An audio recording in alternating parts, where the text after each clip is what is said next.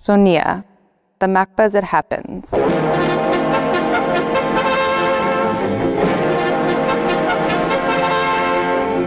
Rick Prelinger is an archivist, writer, filmmaker, and outsider librarian. For the past 25 years, the founder of the Prelinger Archives has amassed film material that is generally ignored by traditional archives, resulting in a collection that prioritizes access and reuse as methods of preservation. Rick has partnered with the Internet Archive, of which he is a board member, to make 2,100 films available online for free viewing, downloading, and reuse. With Megan Prelinger, his co founder of Prelinger Library, an appropriation friendly private research library open to the public in downtown San Francisco. Rick Prelinger speaks on the future of archives and issues relating to access to archives and culture.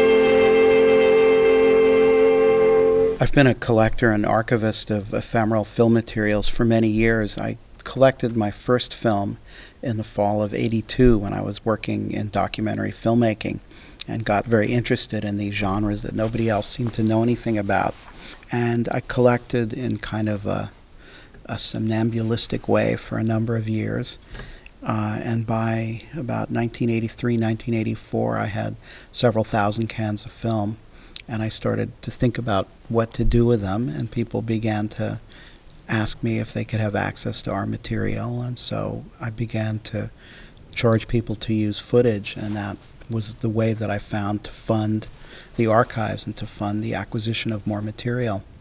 And then in um, 86, 87, I was lucky enough to work with Bob Stein, a, a pioneer um, new media guy and co founder of Voyager and we made some CD-ROMs and some um, laser discs together. And in that process, I began to realize a little bit more of the significance that I was doing. That I was practicing public history. That to re-inject this material back into the present had all kinds of historical and cultural implications. And so the uh, archives, which was then located in New York, continued to grow until um, I moved to San Francisco in 1999. Two things happened.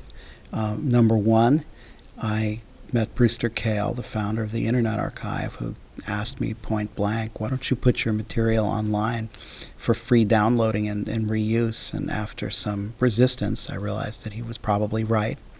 And at the same time, I was trying to work on the acquisition of my collection by a large public archives or a nonprofit repository. And I made an agreement with the U.S. Library of Congress and our collection was our physical materials to date were acquired by them in 2002 and 2003. So, in the, the very end of the 20th and the very beginning of the 21st century, our archive shifted from being large to being much smaller, and from being all analog to starting to develop a digital presence. And at this point, um, it's a smaller physical collection of new, newer acquisitions and a growing digital collection.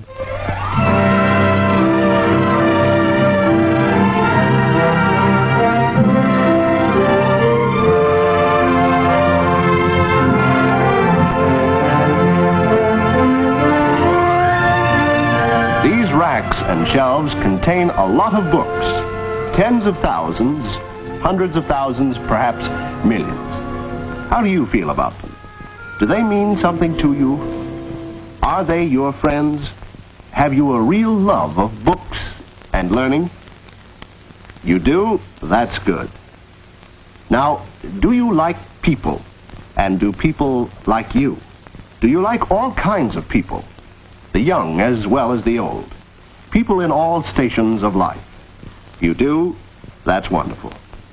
Because when you have these two important qualifications, love for books and love for people, you may well consider the vocation of a librarian, a vocation that gives full enjoyment to the librarian and radiates it to the public.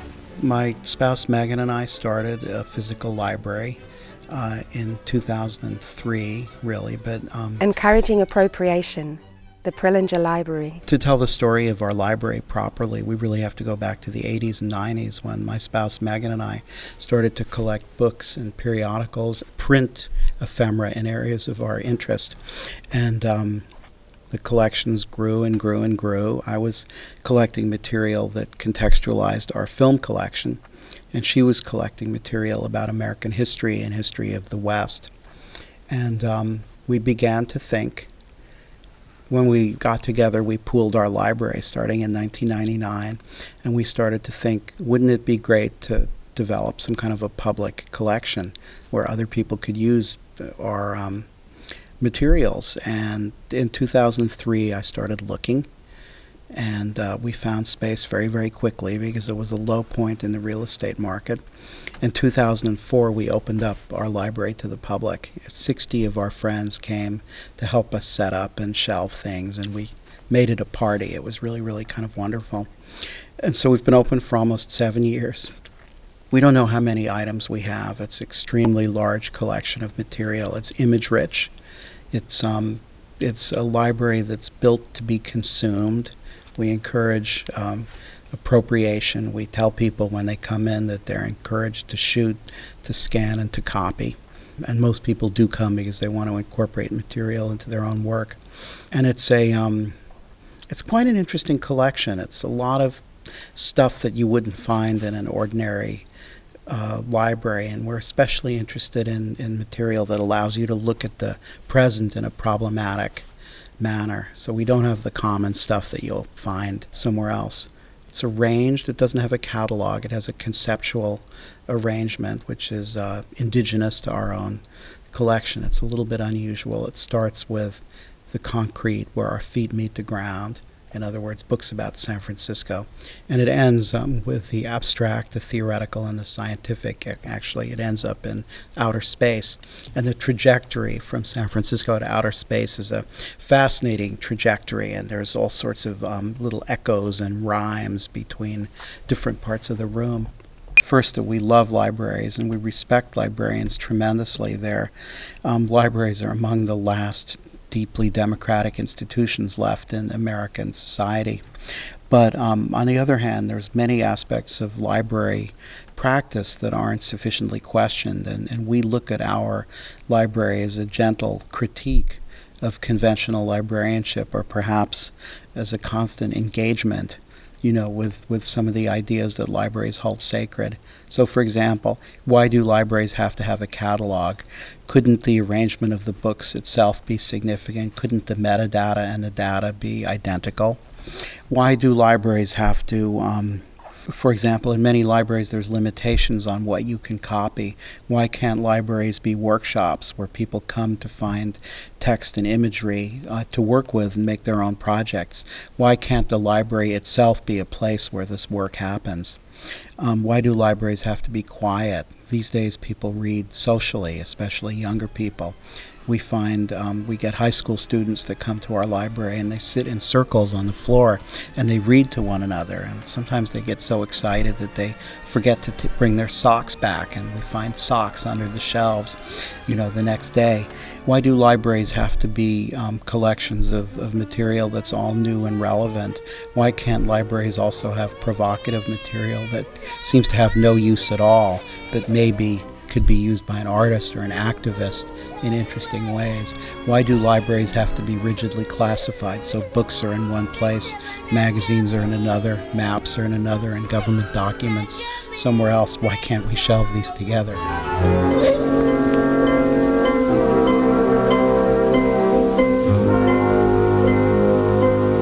Hmm, if it isn't a piece of candy stuck in Junior's throat. X-ray gives the doctor the inside information. And now he can assure Mother that the candy will soon dissolve and Junior will be as good as ever. There's many kinds of historical documents. Some of them are great historical documents, you know, the records of kings and presidents and famous writers and musicians and so on. But there's also the records of the everyday that were not meant to be saved. Uh, necessarily, and um, within that category, there are a tremendous number of, of films and now videos. Documenting culture with ephemeral material. I guess it's two things about ephemeral material that first struck me. Number one, they show the look of the past. And by the, by the look of the past, I mean people, their work, their homes, their daily activities, their celebrations and rituals. They show those kinds of things with a a, a much greater sense of detail and, um, and authenticity than lots of other kinds of media. Puberty begins with a change in the functioning of certain endocrine glands or glands of internal secretion. Here's how. And then beyond that, they they don't just show the way things look. They're they're um, in English what we would say is normative. They're, they document the persuasions of the past. They they show how people were supposed to be, because so often these this media was made by um, elite. Uh, elements trying to tell people to behave a certain way. And um, it's that record of persuasion that I think is just fascinating.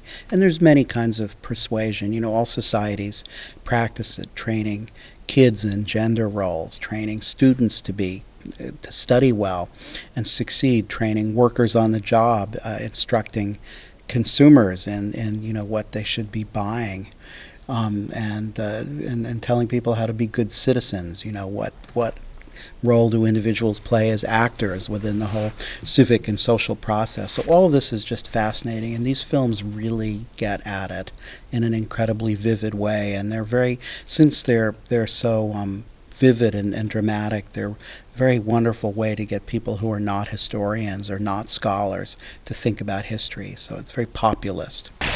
Pumping 1,200 gallons of water every minute, day and night, with never a stoppage. Without efficient shovels like this and sturdy trucks to carry away the rock, many more years would be required to complete the building program. And that makes this automobile the only one in existence with a double turret top. With institutionals.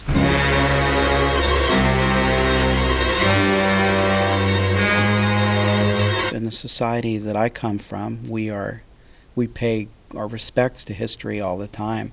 We tend to be more focused on nostalgia than on serious investigation of history.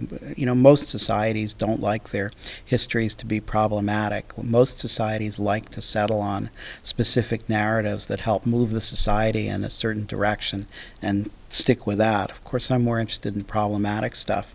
But part of using history uh, and, and getting people to ask hard questions is, is letting archival material be used as freely as possible. So that means that sometimes you want to be able to use archival material for fiction. You want to use archival material in unexpected ways. You want to encourage people to experiment with it and to, to let it be the raw material of art because uh, sometimes to to place something in history is to trivialize it, is to move it further away from, you know, the urgent present. Lives there a bowler of any degree who doesn't fancy himself an expert? Especially when it comes to giving advice about the game.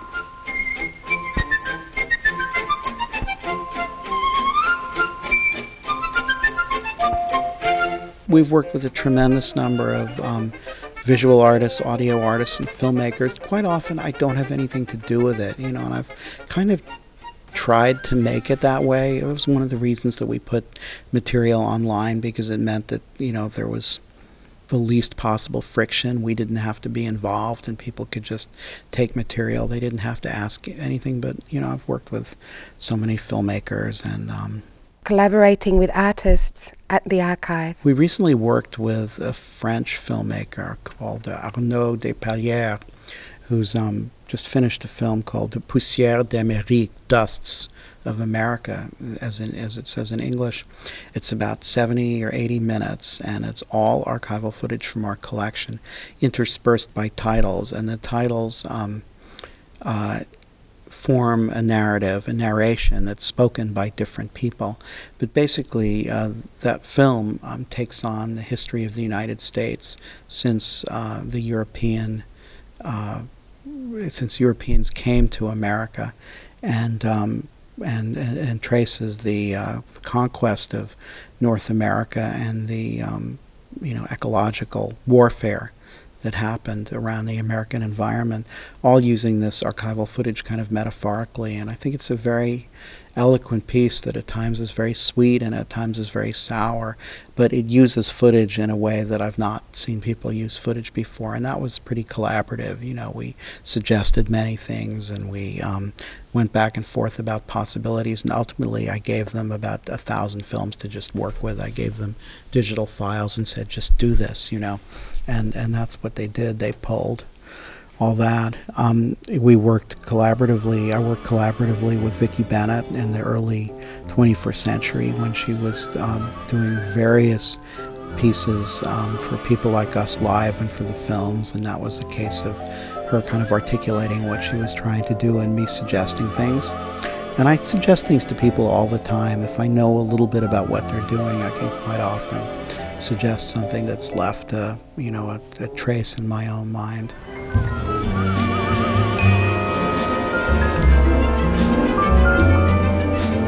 This array of impressive looking equipment in the central office went into action to do just that. It's not enough for the equipment to remember, it's got to make a record as well. The invisible collaboration is especially interesting. Once we started putting up material online, um, we gained hundreds of thousands of collaborators around the world, and most of them I'll never know. I do think found footage is, is tremendously powerful. Uh, I think we've only begun to uh, exploit its potential. Um, I'm a little worried that it's going to be a fad, you know, that it, there won't be, that it'll become just another, you know, marginal cultural practice before. I mean, isn't this what happens now that, you know, CD-ROM dies in the marketplace before people can fully exploit it? Game platforms come and go, formats, you know, disappear, and we've only begun to investigate how they work. Now, of course, the problem is how to create order out of confusion. How to achieve something harmonious creatively and scientifically new. Mixing is so simple, a child can do it. The result is breathtaking beauty and lasting good taste. If you, you know, accept that one of the main functions of art in this this current time in the world is um, to uh, allow us to look at things from a distance, you know, estrangement, alienation. It's been called many, many different things. Um, archival footage is a very nice way. Archival material is extremely nice way to observe from a distance.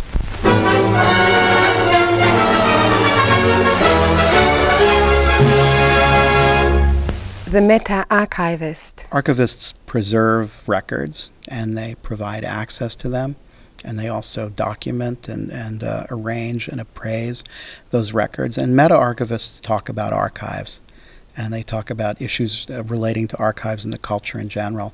And increasingly over the last few years, I've found myself doing that. I started thinking of myself as a meta archivist um, after we put our collection online. And since hardly anybody else was doing that, I was forced to kind of address some of these issues about what it meant. And people were always asking me. And uh, archivists focus a lot more on uh, artisanship than on activism. They focus uh, much more on the day-to-day work of working with the records that they that they collect and that they protect than uh, many of the broader issues. And you know, it does not have to be that way. There are many discourses in the archives field which are uh, broad and quite interesting. So there's a discourse, you know, on archives and social justice that's been um, motivated, especially by people in Eastern Europe you know, newly emergent democracies and by people in post-apartheid South Africa. We don't hear about much of that in the United States. Um, there's a convergence between libraries, archives, and museums that's constantly talked about, where each one of the these specific fields um, gets new context and clarity through cross fertilization. Um, and I think the you know meta archival discourse involves all of those questions. Very early in the morning, the rooster sends out his call and the chickens begin to wake. They have been sleeping on their roosts, holding with their toes. Wake up, chickens. Archives have become gatekeepers of information, um, a little more, I think, than, than um, actual cultural producers. I would love to see the archive um, both theoretically and in practice, become a cultural producer in the same way that publishers publish books and television networks put out programming. I would like to see archives publish, produce, distribute, push out archival material to the public. Right now, they use a sort of they follow a passive model. They wait for somebody to request something, and um, that doesn't work anymore. People need to have it in front of them, and I think that sort of stickiness at the door um, is anachronistic and it's not going to help archives survive because people don't understand it. I grew up watching these TV documentaries called um, The 20th Century, which was a CBS TV series with Walter Cronkite, and a lot of it was about wars and disasters, all the things that, you know, used to see on documentary TV. But one thing I remember from being very, very young, I wanted to see the entire clip. I didn't want to just see the little bits and pieces that the editor had put in. I wanted to see the whole story. Um, I was so fascinated with historical film material. And um, to this day, I love looking at just unedited archival footage. I don't want to hear a narrator telling me what's going on. I don't want to hear music in the way, and I don't want an editor to just say this is worth seeing. I want to see the whole thing. I just think that unmediated document is so interesting and people should have access to it if they want. I don't think we need to do this for every film, but I think it would be very nice for some films if all of the uh, outtakes and unused material, all the raw audio and video, was online and people could look at it. Some people have done that a little bit. You know, when you write an academic paper or a book or a magazine article and you borrow you quote somebody else, you're supposed to say where that quote came from, and you're supposed to include a footnote so that the reader can go back and check that quote and, and, and see, you know, read the original article that you're quoting. Filmmakers don't have to do that. You don't have to put footnotes in movies. And I think that's a real ethical issue. I don't think it's so much the filmmakers' ethical issue, I think it's actually the archives. So if you're using archival footage to prove a point, the viewer should be able to go back to the archive and see the entire piece of film or tape or the you know that you've excerpted in a documentary film. Right now there is no access to that. Preservation through access. The core missions of archives are preservation and access and a few other things but preserving documents and making them accessible. These have often been um, seen as, as polarized. And now i think we're beginning to understand that um, that polarity doesn't make sense anymore.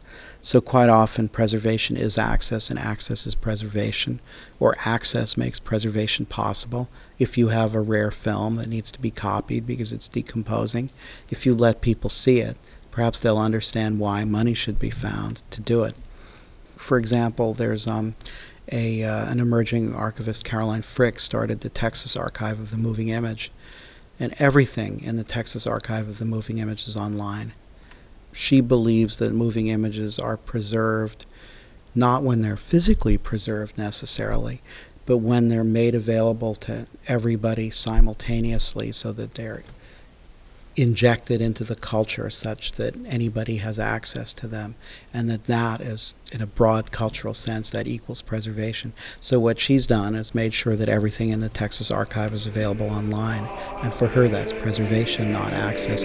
We the texas conference of churches stand together as one from many in christ the Texas Forest Service says the present dry spell and high winds have turned our woods and grasslands into a dangerous fire hazard. Tonight's Progress Report, Austin, the University of Texas, the progress that has been made, and a look at the future of this major Austin landmark. I think the future of archives is, is, is rather cloudy for the next 20 or 30 years, and then afterwards it gets easier. And I think the kinds of questions that we have to think about are will there still be physical archives or not? Will archives be discrete institutions, or will, when we say archives, will we mean a networked system of repositories, analog and digital, around the world that are connected in such a way that when you query, you make a federated query and, and stuff comes back? Will archives uh, be saved, you know, if the oceans rise? Um, will people want to save them? Like right now, there's this consensus Uh, I think there's a consensus that it's important to save archival material because our culture generates so many cultural records and they're important, and that might not be the case. You know, it's it's very possible that people might decide that we want to live in the present and we don't really care. Have you ever read that great? It's a story by um, Nathaniel Hawthorne called Earth's Holocaust, and it's it's written I think in the 1840s, and it's about it's apocalyptic fiction and basically the world has had kind of a spiritual revival and everybody decides we need to start over again. And it's about the great fire where all the books are thrown into it, all the music, all the furniture, all the torture instruments, all the weapons, all the liquor, ultimately everybody's clothes, and you know, as the sun rises, uh, there's just a, a bare plain with a big smoking pile, and naked human beings are ready to remake the world. You know, it's a fascinating, um, great sort of anti utopia, pro utopia story, but it, this could happen. Uh, I mean, it happens, you know, all the time. People destroy libraries and archives as acts of cultural aggression. Who's to say that they might not do it as acts of uh, collective cultural affirmation? The atomic age was born. There is no denying that since that moment, the shadow of the atom bomb has been across all our lives. On a broad level, I'm against the destruction of cultural materials. Filling the gaps, the creative potential of loss. But we must remember that loss is formative, that so much history and art is based on trying to recover what we don't know or, or fix a gap in the record. In the United States, many of the new histories, labor history, working class history, African American history, has they've been pop they've become popular because they're trying to address gaps in the record. So loss can actually be formative, and I think we need to realize that.